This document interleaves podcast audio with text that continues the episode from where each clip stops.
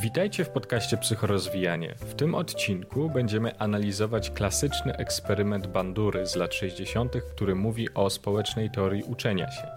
Będziemy na jego podstawie zastanawiać się, jak dzieci i społeczeństwa reagują na przemoc, jak reagują na agresję, co się wtedy też dzieje i jakie pojawiają się dynamiki między takimi podmiotami.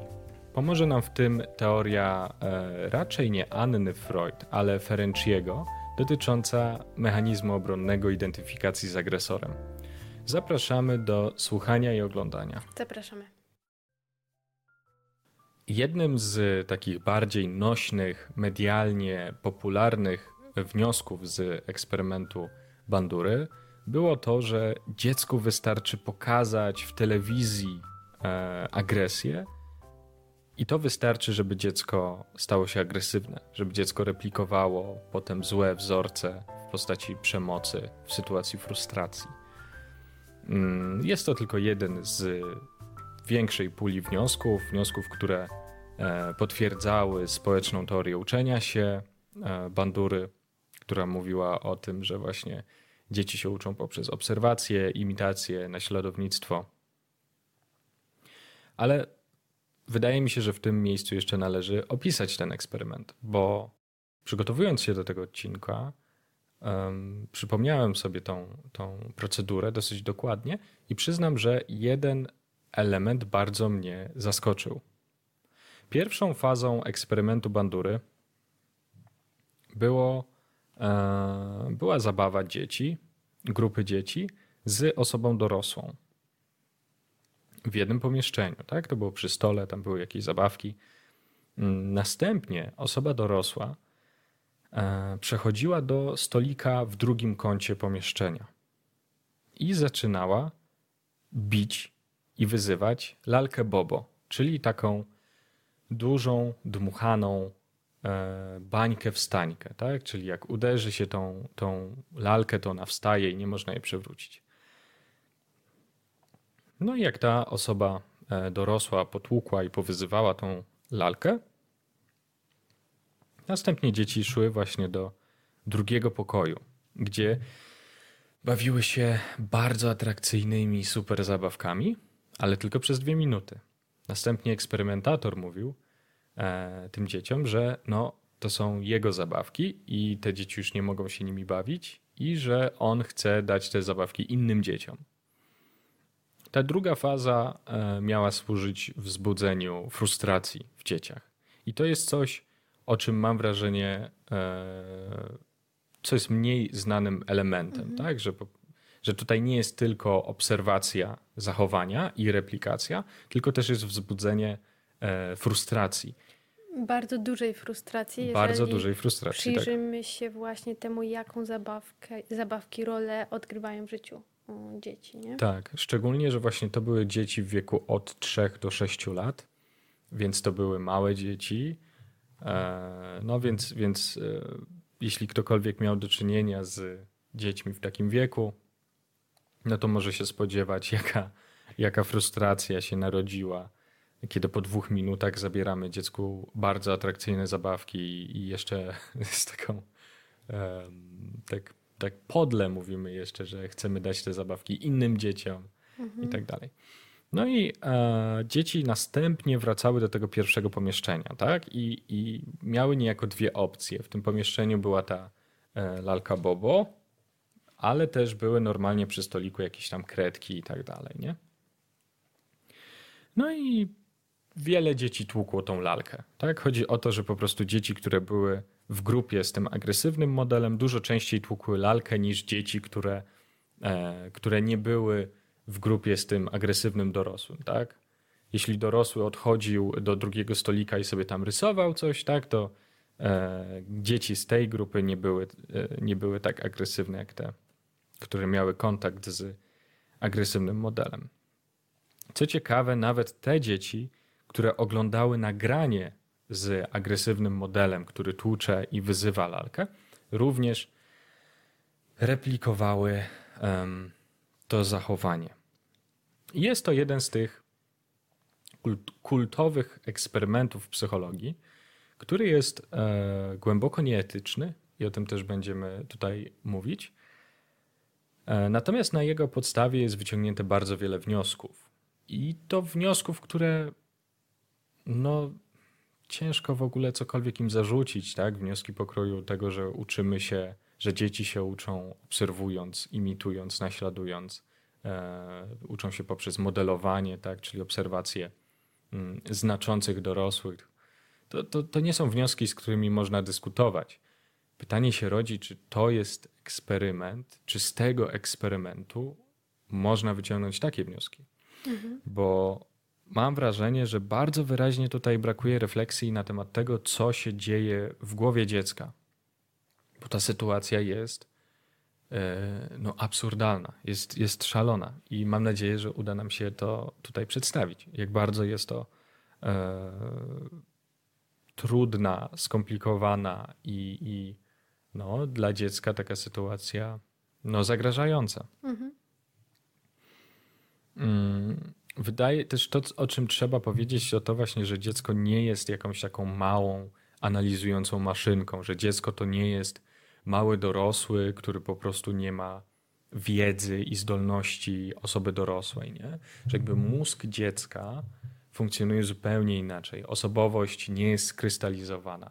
To jest no, zupełnie inaczej dziecko pojmuje rzeczywistość. Dziecko też obraca się bardzo mocno w takim świecie symboli, nie? Operuje właśnie na, na symbolach i można powiedzieć, że funkcjonuje w trochę takiej magicznej rzeczywistości, która się rządzi właśnie e, trochę innymi prawami. To są prawa, które bazują na tej rzeczywistości dorosłych, ale one są, no nie tak można powiedzieć, właśnie e, realne, racjonalne, jakbyśmy trochę oczekiwali tego od dzieci. Mhm. Tak, no właśnie, bo realność to jest coś, co się dopiero wytwarza w głowie dziecka, tak? To jest właśnie to testowanie tego, co można zrobić w świecie zewnętrznym, tak? Czego nie można, co jest prawdziwe, co jest nieprawdziwe. To wszystko się wydarza w procesie mm, rozwoju. Mhm. Stąd też trudno zaprzeczyć słuszności e, wnioskom, które wyciągnął Bandura. Natomiast są one w sumie tak niepełne, jak tylko mogą być. Że to jest takie absolutne minimum, jakie, jakie można wywnioskować z tego. No i też rozumiem, on to tworzył w kontrze do właśnie teorii identyfikacji z agresorem. E, on to tworzył w kontrze do takiego psychoanalitycznego rozumienia e, agresji, więc zrozumiałe też jest, zrozumiałe też jest właśnie jego takie behawioralne rozumienie, jego postawa e, w tym, w tym, w tym właśnie aspekcie. No chociaż e, wydaje się, że ta psychoanalityczna analiza tego, tego eksperymentu bardzo wiele daje. Wydaje się, mhm. że jest bardzo empatyczna. W stosunku do dziecka. W stosunku nie? do mhm. dziecka i że w gruncie rzeczy jest nam w stanie dużo więcej powiedzieć. Mhm. To może teraz powoli przejdziemy sobie do tego rozumienia analitycznego, skąd ono się w ogóle wzięło, mhm. ponieważ y, to, o czym warto tutaj powiedzieć, żeby e, próbować lepiej zrozumieć w ogóle to, dlaczego dzieci zachowywały się taki sposób, e, no to, to jest właśnie ten wspomniany przez Ciebie mechanizm obronny identyfikacji z agresorem. Mhm. My najczęściej kojarzymy go właśnie z postacią e, Anny Freud, która można powiedzieć dosyć y, skąpo go opisuje.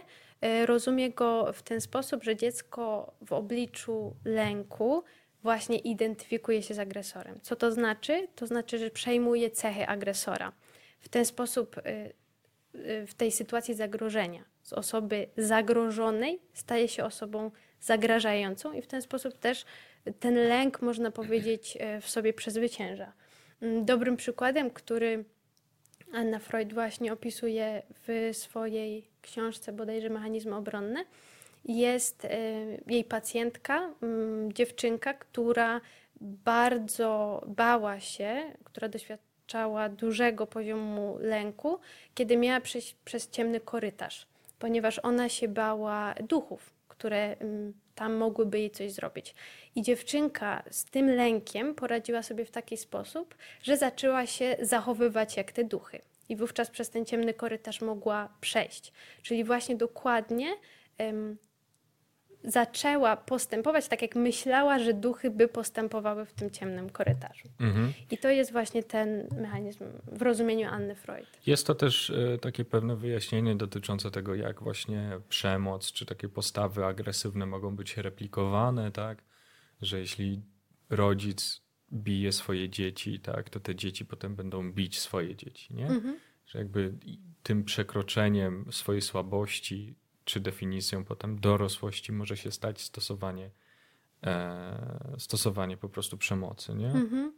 No i właśnie, dla takiego małego dziecka tak naprawdę każdy dorosły w pewnym sensie jest potencjalnym agresorem. no dlaczego? Ponieważ jest to właśnie y, relacja hierarchiczna. Jest to dynamika właśnie władzy. I też oczywiście to, że, że życie dziecka zależy od rodziców. Mm, to tutaj jest y, ważne. No i biorąc to y, pod uwagę, y, jak dziecko właśnie myśli, jak funkcjonuje w takiej troszkę magicznej rzeczywistości, rzeczy, które dla nas dorosłych pozornie są takie mm, niewielkie, mogą na przykład zdefiniować nastrój dziecka, chociażby poziom lęku i tak dziecko funkcjonuje właśnie w innym świecie, w pewnym sensie. Mm, to jest tutaj e, bardzo ważne w kontekście naszej dalszej e, analizy tego eksperymentu. I oczywiście pożąda miejsca w tym świecie, co idzie w parze z rozwojem biologicznym i tym psychoseksualnym. Mm, tak, I... dlatego też chce się identyfikować, nie? Na przykład um, dziecko, które przebiera się w ubrania rodzica, nie? To jest mhm. to, że dziecko dąży do tego świata dorosłych. Nie? To jest jakby atrakcyjny świat. Natomiast trzeba zwrócić uwagę, że to są dwa zupełnie różne światy. I tak samo jak dorośli nie rozumieją świata dzieci, tak samo dzieci i być może dzieci nawet bardziej nie rozumieją świata dorosłych. Nie? Mhm. Tak, też w tych symbolicznych zabawach dzieci jest taki etap, w którym naśladują dokładnie dorosłych, nie? czyli na przykład, że mhm. bawimy się w przedszkolankę, w osoby, które gdzieś tam obserwujemy to jest właśnie też to, że w ten sposób też uczymy się tego dorosłego świata, ale to jest inny świat jeszcze. Rządzi mhm. się e, innymi e, prawami. No i właśnie bardzo fajnie teraz w tym, w taki sposób patrząc na dzieci, możemy się przyjrzeć e, bardziej temu tak. eksperymentowi tak. Bandury. No właśnie, bo jaki to ma związek w ogóle z tym eksperymentem Bandury, nie? No psychologia poznawcza, czy tam psychologia behawioralna, E, no przecież po prostu dziecko patrzy, uczy się, powtarza, nie? Mm, cała sytuacja, w jaką te dzieci zostały wrzucone, jest absolutnie przerażająca i e, bardzo dziwaczna. Jakby dzieci są w nieznanym miejscu z nieznanymi dorosłymi, a to już na wstępie rodzi wysokie pobudzenie, potencjalny lęk, ekscytację, niepokój bardzo duża to jest ilość e, bodźców, tak? Więc dzieci różnie sobie z tym radzą na przykład, nie? To jest też taka czujność. Tak, mhm. czujność, no, pobudzenie, dokładnie. Um, dzieci bawią się z nieznanym dorosłym przy stole, a następnie ja pamiętam, e, tak mi się, tak to zapamiętałem właśnie na studiach, że to się działo jakoś za ścianą, że dzieci obserwowały, ale była, jak, wiecie, jakieś odgrodzenie, tak? Mhm. A tutaj to było tak, że dorosły odchodził do stolika w drugim kącie pomieszczenia. Więc jakby dorosły siedział z dziećmi przy stole, po czym odchodzi od nich parę metrów i zaczyna bić, krzywdzić zabawki. Mhm. Tak? W tym przypadku lalka Bobo. Lalka Bobo, e, jeśli się nie mylę, to była dosyć popularna zabawka e, w tym okresie czasu. To była taka dość znana zabawka. Nie? Być może wiele dzieci znało dokładnie tę zabawkę, miało być może ją, nie? No i dla dziecka to jest, e, to jest zdarzenie, które można określić jako gwałt albo nosi znamiona gwałtu. Nie? Mhm. W tym znaczeniu, że e, w przestrzeni dziecka, wśród zabawek, które dziecko zna mniej lub bardziej, ale w pełni rozumie to, że to jest przestrzeń dziecka, że to są e, rzeczy, które są dla niego, że to są rzeczy, które są skierowane właśnie dla dzieci, nie dla dorosłych, że wśród tych zabawek odbywa się coś, co jest po pierwsze zakazane, bo te dzieci wiedzą, że agresja, przemoc jest zła, tak? To już jest 3-6 lat, więc to już jest e, zrozumiałe dla dzieci. I jednocześnie to jest skierowane w obiekt ciepłych uczuć dziecka mhm. i w coś, co jest powiązane z dziećmi, tak? Bo to jest lalka Bobo, lalka Bobo to jest zabawka dzieci. Te dzieci prawdopodobnie e, w ogóle sobie nie wyobrażały, że dorosły może robić cokolwiek z lalką Bobo, nie? Na mhm. przykład. Dziecko nie rozumie świata dorosłych, nie wie o co chodzi w tym, że bierze udział w eksperymencie i że jest pełno jakichś ludzi obserwujących ich w, na uczelni, tak. Już e, jest zanurzone w tym świecie dorosłych, którego nie rozumie, a teraz widzi dorosłego, który jednocześnie robi coś zakazanego i przez to też e, jest niebezpieczny, jest potencjalnie zagrażający. Nie? Mhm. Tutaj jeszcze przychodzi mi do głowy jedna rzecz, że mm, jest mm, niby mały rozstrzał wiekowy, 3-6 lat, mhm. a jednocześnie bardzo duży. W tym sensie, że teoria umysłu, czyli y, umiejętności mentalizowania, czyli przewidywania w skrócie tego, jak się inni zachowują pod wpływem tego, co ja robię, rozwija się gdzieś około czwartego roku życia. Czyli dzieci. Trzylatki jeszcze mają jakieś w ogóle zręby tej teorii umysłu, sześciolatki już całkiem dobrze i dla, dla nich to w różny sposób jest bardzo dziwaczna sytuacja. W takim sensie, że mhm. E, to, co robi dorosły jest tak e, nieprzewidywalne, nienaturalne, e, to jest zaskakujące, to nie jest jak gdyby konsekwencją taką, której można byłoby się spodziewać. Mhm. Czyli to, co chciałam tutaj podkreślić, to to, jak bardzo szokujące y, musiało być to, co robi dorosły y, dla tych dzieci. Tak, bardzo możliwe, że ta grupa e, wiekowa została wybrana z tego powodu, że właśnie Bandura tworzył ten eksperyment i tą teorię w kontrze do um, identyfikacji z agresorem, czyli mechanizmu obronnego, który się pojawia właśnie w fazie, w fazie edypalnej, czyli właśnie te 3-6 lat. Nie? Więc niejako on kontrując um, kontrując tą teorię psychoanalityczną, bardzo też się do niej odnosił, więc bardzo możliwe, że mm, tutaj właśnie e, stąd taka właśnie grupa wiekowa, co z perspektywy właśnie behawioralnej czy poznawczej potencjalnie mogło być e, błędem tak szeroka grupa wiekowa w przypadku dzieci, nie? No ale idąc dalej, nie? To, jak Anna Freud e, wyjaśnia właśnie, może wyjaśniać taką agresję, to jest jakby jedna rzecz. Drugą możliwością jest identyfikacja z agresorem według Ferenciego. I Ferenci pisał e, o identyfikacji z agresorem dużo wcześniej od Anny Freud, natomiast e, niezbyt to się przyjęło z racji tego, że jego teksty były tłumaczone na angielski dopiero w chyba tam 38 roku, a pisał je jeszcze w latach 20. E, nie? Ale Ferenci e, tłumaczy też, też, też takie sytuacje e, jako automatyczną reakcję, która wynika z niepokoju, niezrozumienia, też lekkiej traumy. Dzieci nie rozumieją, co się dzieje, nie rozumieją, jakie oczekiwania ma dorosły, dlaczego dorosły tak robi. W takiej sytuacji dziecko robotycznie powtarza czynność, którą widziało. Nie? Dziecko dostraja się do dorosłych, albo inaczej próbuje dostroić się do dorosłych i próbuje zaspokoić ich oczekiwania. Nie?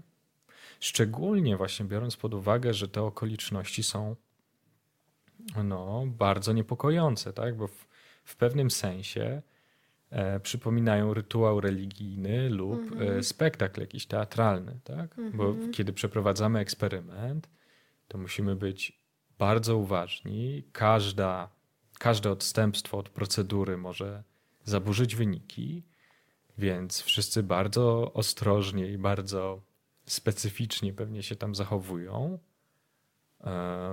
Więc ma to w pewnym sensie znamiona jakiegoś rytuału, czy to religijnego, czy, czy jakiejś sztucznej sytuacji teatralnej. Nie? Tak, i szczególnie, że właśnie y, te konsekwencje zdarzeń są tak dziwaczne tym też sensie, że to, nie, że to jest takie rytualne, bo w pewnym sensie dla dziecka no, nie tworzy to jakiejś ciągu, logicznej ciągłości, tak? tego, co na co dzień doświadcza. To, są, to jest bardzo jak gdyby usystematyzowane. Tak? Tutaj mhm. zabawa, tutaj dwie minuty, tutaj odchodzę. Nie, y, tak, jeśli dziecko w rzeczywistości doświadcza przemocy, to raczej nie doświadczy tej przemocy w taki sposób, że jej, e, że rodzic takiego dziecka zacznie tłuc jego zabawkę prędzej. Bez, y, znaczy, też bez, bez powodu w takim sensie, eskalacji. bez zapowiedzi, mm, bez, mm. bez czegoś, co dziecko teoretycznie mogłoby przewidzieć już w wieku 4 lat. To jest głęboko, głęboko abstrakcyjna sytuacja, tak.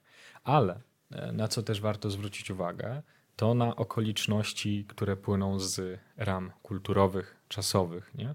To były lata 60., gdzie autorytarny styl wychowania był normą. Więc takie bezwolne podporządkowanie się temu, co robią dorośli, nie powinno raczej nikogo dziwić. Statystyki, na przykład dotyczące przemocy domowej, zaczęto zbierać e, dopiero w latach 80., jeśli chodzi o Stany Zjednoczone, ale z tego, co, co patrzyłem i przeglądałem różne, różne e, wykresy, to wydaje się, że problem przemocy domowej był wielokrotnie e, wyższy i zjawisko przemocy było dużo bardziej powszechne niż jest e, w dzisiejszych czasach. Stąd też nasuwa się takie stwierdzenie, że bardzo możliwe, że spora część tych dzieci, które były badane, no, doświadczyło już tej przemocy. Mhm. Tak? Szczególnie, że właśnie kultura Stanów Zjednoczonych y, wówczas, y, również wcześniej, no jakoś na tej przemocy mm, jest do pewnego stopnia zbudowana, nie? Tak, jakby czasy powojenne to jest po pierwsze mm, początek zimnej wojny, to jest czas e, dużego lęku egzystencjalnego, lęku przed zagładą świata. Lata 60. to jest wojna w Wietnamie. To są ogromne bombardowania i ogromna ilość przemocy, którą Stany Zjednoczone e, stosowały wobec czy to właśnie Wietnamu, czy Kambodży, czy, czy krajów w Ameryce Południowej na przykład. Więc jest to taka sytuacja, gdzie tej przemocy było bardzo dużo. Szczególnie jeśli weźmiemy pod uwagę, że właśnie wnioski z badania bandury są takie, że dziecko zreplikuje tą przemoc, tak? nauczy się i powtórzy e, to, to, tą przemoc, nawet jeśli zobaczy to w telewizji. Nie? Mhm. Więc tutaj też można się zastanawiać, ile było agresji, przemocy w mm, przestrzeni jakby dnia codziennego, w gazetach, w telewizji, tak, czy doświadczeniu oglądania ojca, który e, bije matkę, tak, cokolwiek. To też było pokolenie, które e, było weteranami e, po II wojnie światowej. Nie? To, nie, to nie byli ludzie, którzy należeli do spokojnych, zrównoważonych osób. Nie? Mhm. Więc Tutaj też rodzą się różne pytania, tak naprawdę, czy to doświadczenie w tym eksperymentalnym środowisku mm, było pierwszym doświadczeniem przemocy dla tych dzieci, czy, czy nie. E, ciężko powiedzieć. Też e, reflektowanie na temat e, eksperymentów, które odbyły się te 60 lat temu ponad, około 60 lat temu, no to mm, często brakuje różnych szczegółów. Mhm. Może brakować. Ale wracając właśnie do tematu identyfikacji z agresorem. No to tak jak myślę, że tutaj dochodzimy do takiego wniosku, że to rozumienie, które Anna Freud przedstawiła, jest y, często niewystarczające, tak? albo może inaczej, że przedstawia po prostu wycinek pewnego zjawiska. Przedstawia pewną rzecz, która może się pojawić, może być jednym z objawów, e, jednym rodzajem z reakcji na przemoc i agresję. Nie? Mhm. Pewnym sposobem na zdobycie takiego poczucia kontroli, bo to tak. też jest to, co, o czym właśnie y, mówi Anna Freud, natomiast Sandor, Sandor Ferenczi troszeczkę inaczej do tego podchodzi i tutaj fajnym przykładem jest to, że często w sytuacji przemocy pomiędzy właśnie rodzicami dziecko właśnie identyfikuje się z rodzicem, który jest y, agresor, agresorem, przyjmując stronę jednego z rodziców. To też jest bardzo naturalna sytuacja, że jest jakby taka lojalność dziecka e, w stronę mm, jednego z rodziców, w zależności od e, sytuacji. No i e, tutaj ważne jest to, że taka identyfikacja, ona ma dwie formy. Albo komplementarną, albo zgodną. Jeśli dziecko na przykład widzi ojca, który bije matkę, mm, i czuje złość na matkę, to jest to właśnie identyfikacja zgodna. A jeśli dziecko czuje w tej samej sytuacji poczucie winy, jakby to ono było przyczyną agresji ojca, wówczas mówimy o tak zwanej identyfikacji komplementarnej. E, no i wtedy właśnie ofiara przejmuje te cechy, jakie zawierają się w obrazie innego agresora. W takiej sytuacji zachowanie e, dziecka staje się o tyle zrozumiałe, że właśnie z takiego ewolucyjnego punktu widzenia to jest y, po prostu nastawienie na, na realne przetrwanie, mm, a nie tylko właśnie na, na zdobycie tego poczucia bezpieczeństwa, poczucia kontroli. I to jest też to, co y, odróżnia, jak gdyby troszeczkę idzie dalej tutaj e, Ferenci, że to, że to nie jest tylko poczucie, to jest y, dla dziecka realny proces obrony. I, I, też to, na co warto zwrócić uwagę, to jest to, że mm, identyfikacja z agresorem może zachodzić e, nie tylko wtedy, kiedy ofiarą, bezpośrednią ofiarą przemocy jest dziecko. Mhm. Nie? Kiedy jest nią, no to tutaj ten scenariusz może być trochę inny, no bo e, ta, ta też agresja, ta identyfikacja z agresorem może się objawiać tym, że jesteśmy agresywni wobec samego siebie, tak, że przyjmujemy właśnie to, że e, ten rodzic, e, rodzic ma rację. Ale właśnie co jest istotne, to to, że mm, nie trzeba być bezpośrednią ofiarą przemocy mhm. czy agresji, żeby bardzo głęboko doświadczać jej.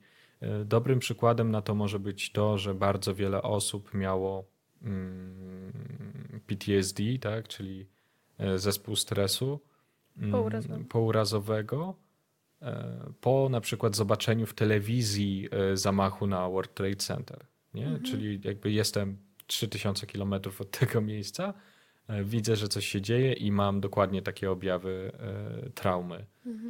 E, PTSD. Nie? Tak, i tutaj właśnie lalka Bobo jest ofiarą przemocy. Nie? Dziecko tak. jest właśnie pośrednio e, ofiarą e, tej przemocy, czyli w tym sensie to jest ta analogiczna trochę sytuacja z tymi rodzicami. Mhm.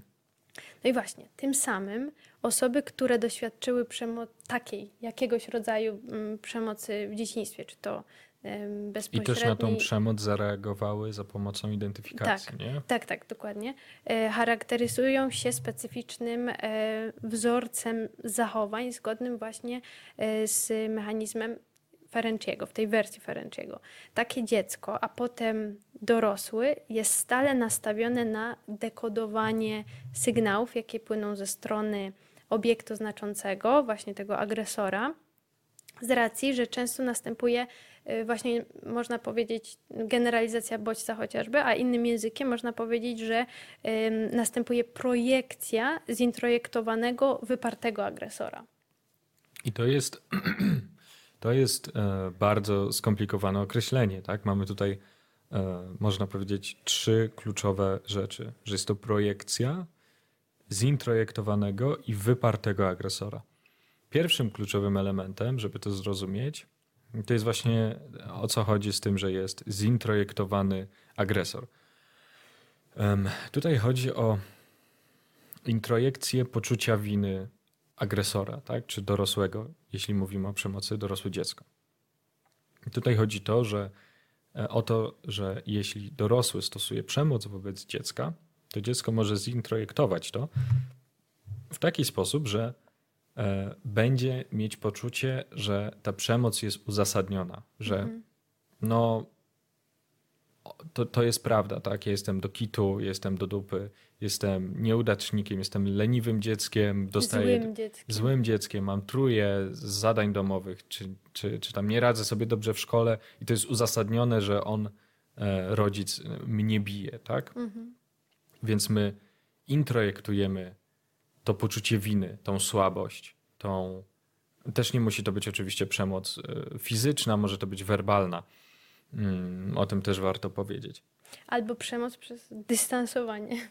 Albo poprzez, oczywiście, poprzez y, odcinanie od kontaktu, nie? Czyli. Mhm. Mm, no. Więc introjektujemy te złe cechy, które agresor nam narzuca. Nie? Agresor mówi: Jesteś głupi, ja myślę, że jestem głupi. I co się dalej dzieje? My agresora zaczynamy idealizować. Że skoro my jesteśmy tacy do kitu, to ta przemoc, która wobec nas jest stosowana, jest uzasadniona, mhm. bo ja na to zasługuję. Tak? E, I tym samym my zaczynamy postrzegać agresora jako osobę dobrą. Możemy ją idealizować. Także, no, być może on jest, nie wiem, oschły, ale jest sprawiedliwy, mhm. na przykład. Nie? I poprzez tą idealizację um, następuje rozszczepienie. Tak? Jest dobra i zła strona agresora. I my wypieramy tą złą stronę. Tak? Wypieramy tą myśl, że ta osoba mnie krzywdzi, jest wobec mnie niesprawiedliwa. Zostaje tylko to, że on jest oschły, ale sprawiedliwy. Mhm. Tak? Więc wypieramy e, tego agresora. Złego. Złego i potem co się dzieje, że my projektujemy tego złego agresora na świat zewnętrzny. Tak? Czyli jeśli w naszym życiu pojawi się jakiś inny nauczyciel, jakiś inny mentor, partner, partnerka, osoba partnerska, ktokolwiek Może to być znaczący. Związany y, chociażby z taką silną postacią ojca, że na przykład wszyscy, na wszystkich mężczyzn będę tak e, Pewnie, reagować. To mogą być wszyscy mężczyźni, cokolwiek. Mhm. Dokładnie ale pojawi się jakiś obiekt znaczący, jakaś osoba, która dla nas coś znaczy, to my automatycznie już będziemy nastawieni, nastawieni na tą osobę w taki sam sposób, w jaki nastawialiśmy się na agresora, który nam zadawał krzywdę. Tak, ponieważ wypieramy złego agresora, a przez to widzimy go w innych, którzy jakoś są E, przypominają nam. Tak, no tym. i to rodzi bardzo wiele różnych konsekwencji. Tak, e, tutaj do takich e, konsekwencji dotyczących w ogóle funkcjonowania, to można powiedzieć o takiej nadmiernej, ciągłej czujności, właśnie wyczuleniu, pobudzeniu. To jest taka wytrenowana i wymęczona w pewnym sensie inteligencja, ponieważ my, mm, no właśnie, jesteśmy przemęczeni poznawczo po tak. prostu. Jest to obciążające. Pojawi się też na pewno dysocjacja od własnych emocji, bo aby przeżyć, lepiej jest czuć te emocje, które czuje agresor, ponieważ wtedy my możemy się do nich E, dostroić. Musimy e, antycypować, nie? tak. Jakby musimy wiedzieć, kiedy nadejdzie atak, żebyśmy mogli się odnieść. Dlatego lepiej jest czuć to, co czuje agresor. Nie? Tak, i tutaj Bo jesteśmy w stanie szybciej zareagować. Szczególnie dzieci y, będą wrażliwe y, na takie dostrajanie się. Dzieci, dzieci już są jakby od tak. razu na wstępie wrażliwe, tak. nie? A jeśli pojawia się sytuacja przemocy, no to następuje już w ogóle taka, no właśnie, identyfikacja, następuje absolutne zlanie się, że dziecko staje się przedłużeniem rodzica w pewnym mhm. sensie, nie? Tak, no i tutaj właśnie y, dobrym przykładem jest ten taki jakby sławny, wydaje mi się, można powiedzieć, syndrom e, sztokholmski, nie? czyli właśnie ta identyfikacja połączona z tą idealizacją, czyli ten mechanizm rozszczepienia też tam gdzieś e, w tle się dzieje. No i to jest właśnie to zdanie, że jak bije, to kocha, a ja właśnie zasłużyłem na to, żeby być e, ukarany. Tak, nie? to się e, w pewnym momencie to się staje taką perwersyjną mhm. relacją, tak? Bo w sytuacji tego, w takiej sytuacji, kiedy jesteśmy bardzo mocno nastawieni na odczytywanie emocji agresora, to kiedy agresor stosuje przemoc, to doświadcza jakiejś ulgi, doświadcza mhm. jakiejś przyjemności. I e, my przez doświadczanie emocji e, jego, tak, no to właśnie możemy też zacząć odczuwać agresję.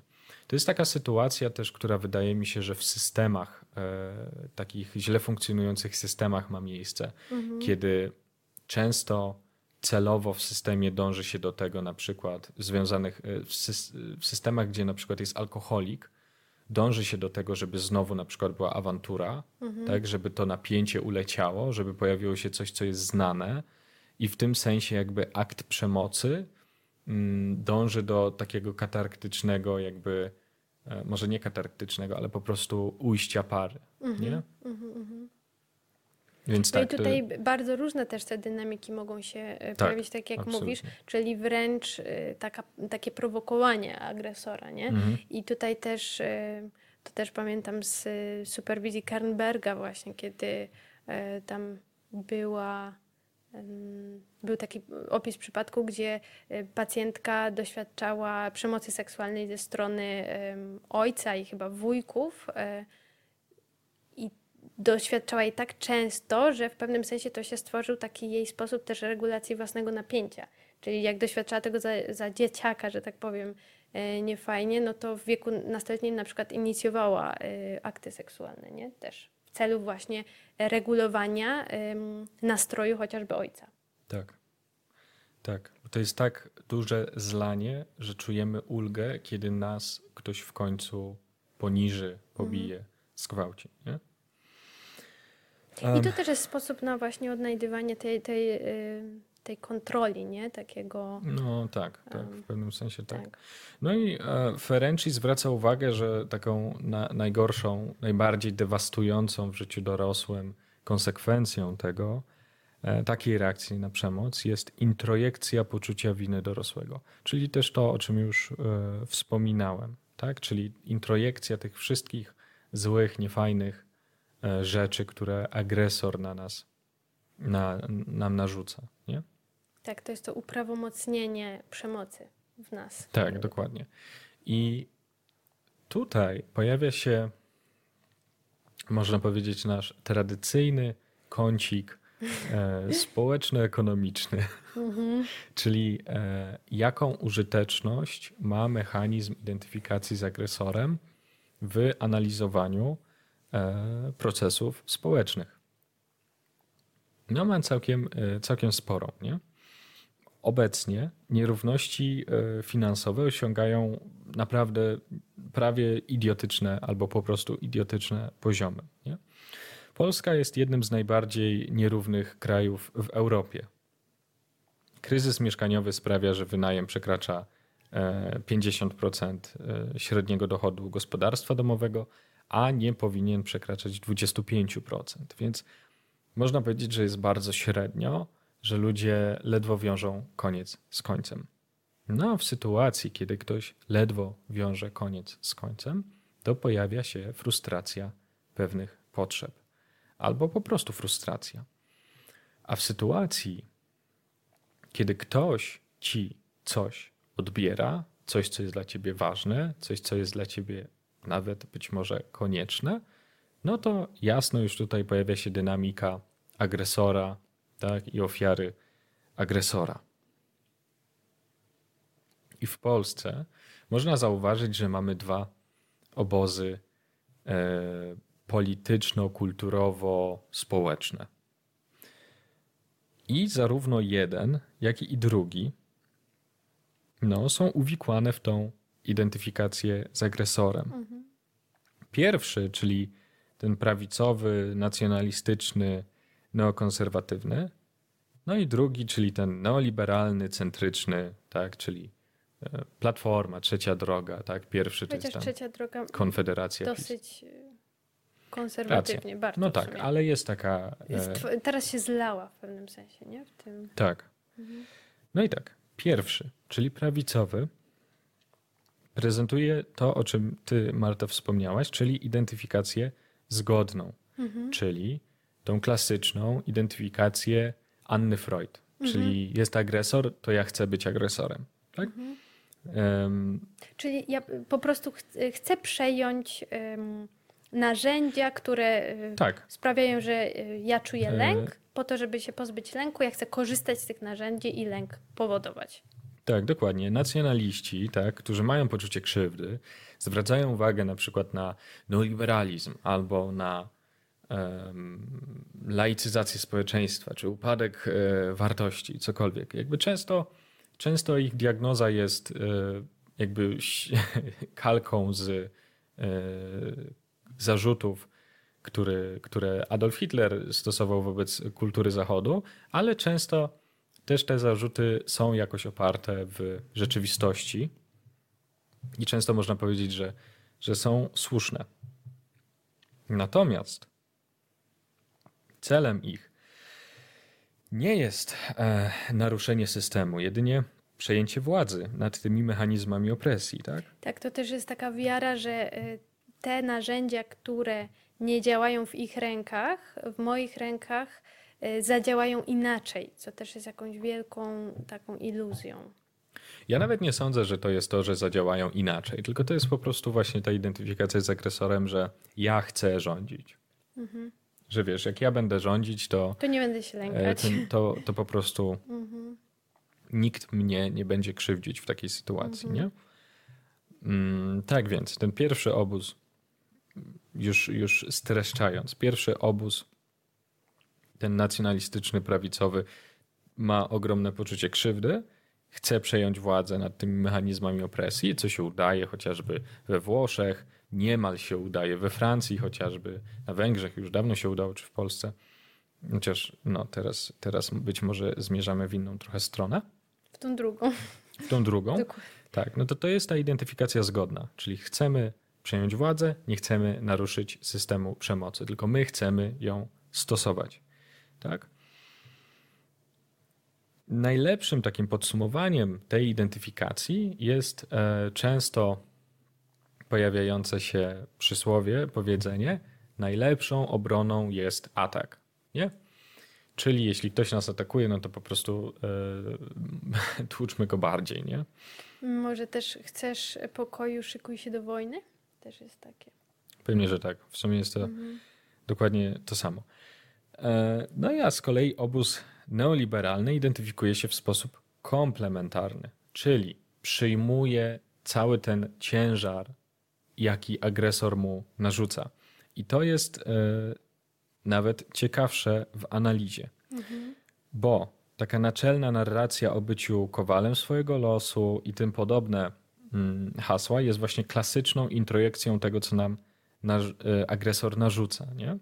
Można odnieść wrażenie, że takim podstawowym komunikatem, jakim e, zwykły szary człowiek otrzymuje e, ze źródeł dotyczący, ze źródeł pokroju reklamy, gazety popularne, zachodnie media itd., tak to podstawowym komunikatem jest to, że jest się niewystarczającym. Niewystarczającym w każdej przestrzeni. Tak? To jest to, że jesteś brzydki, gruby, chudy, niewystarczająco umięśniony, niewystarczająco rezylientny, niewystarczająco dobrze sobie radzisz ze stresem. Tak? Nie masz wystarczających kompetencji. Musisz się cały czas rozwijać. Żeby żyć, nie? Nie masz kompetencji, żeby żyć. Żeby żyć, dokładnie. E, I wszyscy już y, bez wyjątku jesteśmy zmuszeni do przyjęcia tego, co agresor na nas mm, projektuje. Tak? To znaczy, co to znaczy? To znaczy, że każdy akt konsumpcji jest związany z przyjęciem cech e, fetysza, przedmiotu znaczącego, wedle których jesteśmy interpretowani i traktowani przez innych. To oznacza tyle, że konsumując cokolwiek, konsumujemy jednocześnie sieć znaczeń, która mhm. idzie za tym przedmiotem. W Polsce, jeśli jesteśmy posiadaczami samochodu marki BMW, to być może będziemy postrzegani jako dresiarz, tak? czyli niejako agresor, czyli kapitalizm, konsumpcjonizm. E, mówi nam, że jeśli to skonsumujesz, to będziesz dokładnie taki. Nie? I my niejako, e, co jest najgorsze jakby w tej sytuacji, to jest to, że często pożądamy tego, aby ktoś nas określił poprzez przemoc. Mhm. I tutaj też się pojawia to, że w kapitalizmie jedyną wolnością jest wolność konsumpcji. Tak. Bo nasza tożsamość jest budowana poprzez konsumpcję. Jest nam sprzedawana. Jest nam sprzedawana, więc agresor ma pewną pulę zasobów. Jakby zasady gry są takie, że możesz określić swoją tożsamość jedynie przez konsumpcję. Ale możesz wybrać różne rzeczy, nie? Jeśli ktoś interesuje się wspaniałą e, literaturą, tak? W zasadzie, jeśli ktoś się określa poprzez to, że interesuje się literaturą, jeśli ktoś określa się poprzez to, że słucha jazzu, no to wypadałoby, żeby jeździł jakimś eleganckim samochodem, tak? Na przykład Mercedesem.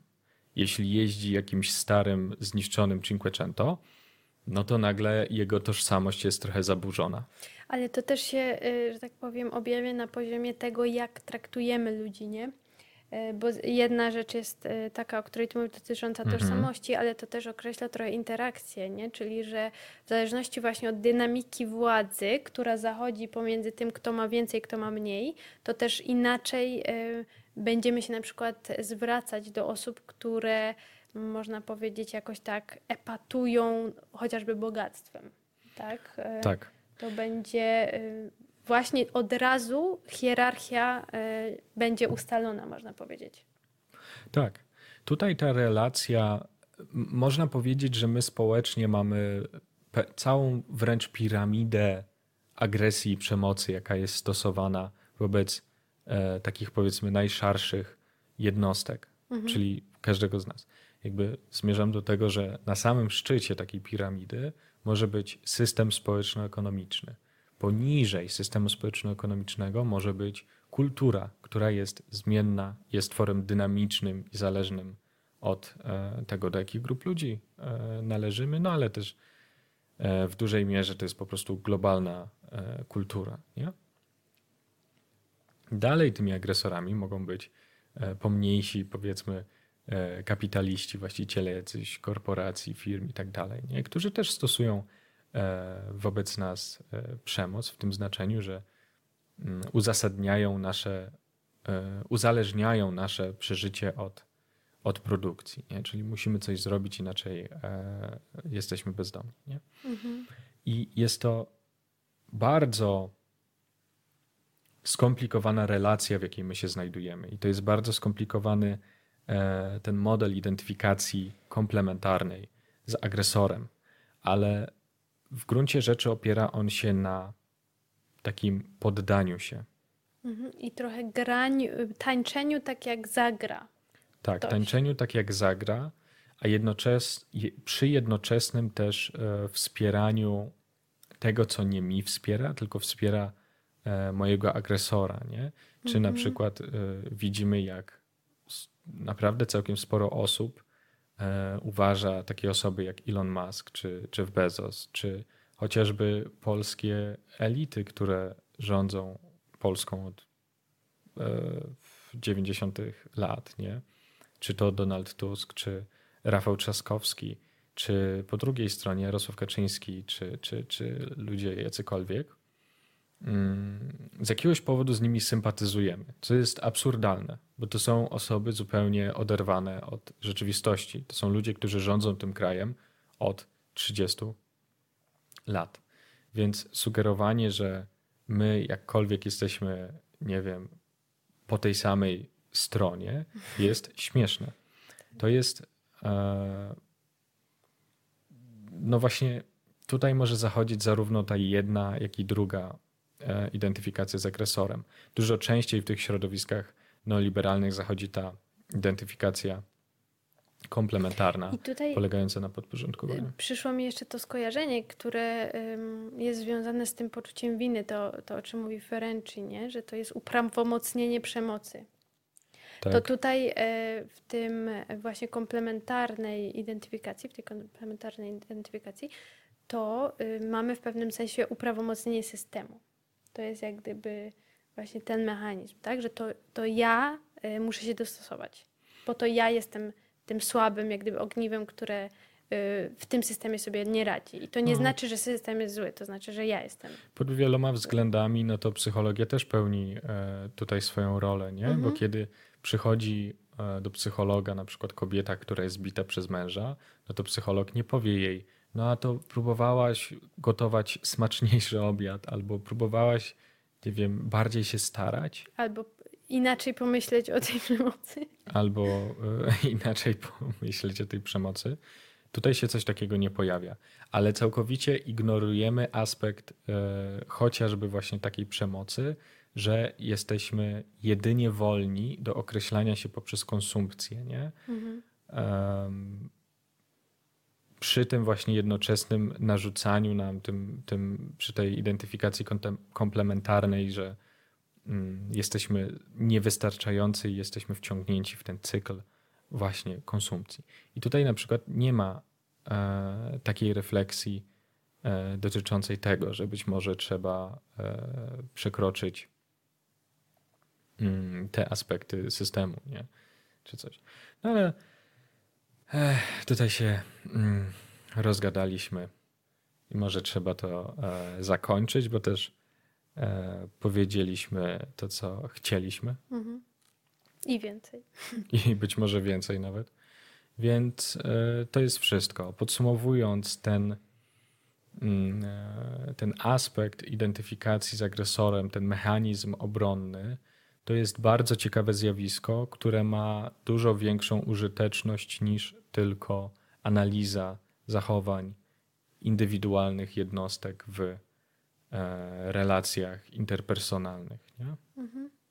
Jest to e, ciekawe i zachęcam do reflektowania na temat tego, co jest przemocą, a co nie, bo być może się okaże, że tej przemocy jest wokół nas dużo więcej niż byśmy chcieli.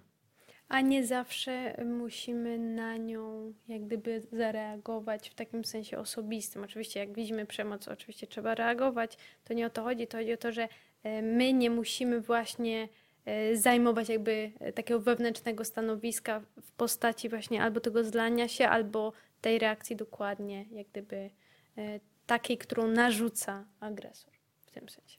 Dokładnie. Także to wszystko na ten tydzień. Mm, Zapraszamy do obserwowania naszych różnych kanałów i do usłyszenia i do zobaczenia ewentualnie w przyszłym tygodniu. Do zobaczenia.